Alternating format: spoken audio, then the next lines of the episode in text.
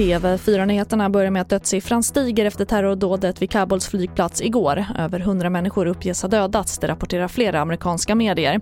IS lokala gren i Afghanistan och Pakistan har tagit på sig dådet och minst 13 av de döda var amerikanska soldater. Och USAs president Joe Biden meddelade i natt att han gett instruktioner till militären att börja planera för hämnd mot IS.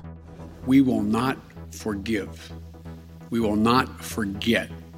We will hunt you down and make you pay.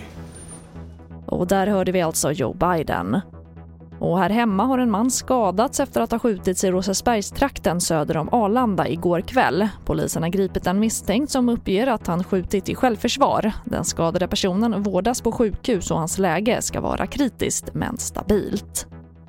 Och vi avslutar med att en skatt på läsk skulle kunna komma åt barnfetma och folkhälsoproblem som bland annat förvärrat effekterna av covid-19. Det skriver fem läkare och forskare på DN Debatt idag. Sen 80-talet har fetma bland barn femdubblats och de skriver att en läskskatt rekommenderas av WHO och att det prövats med goda resultat i Storbritannien.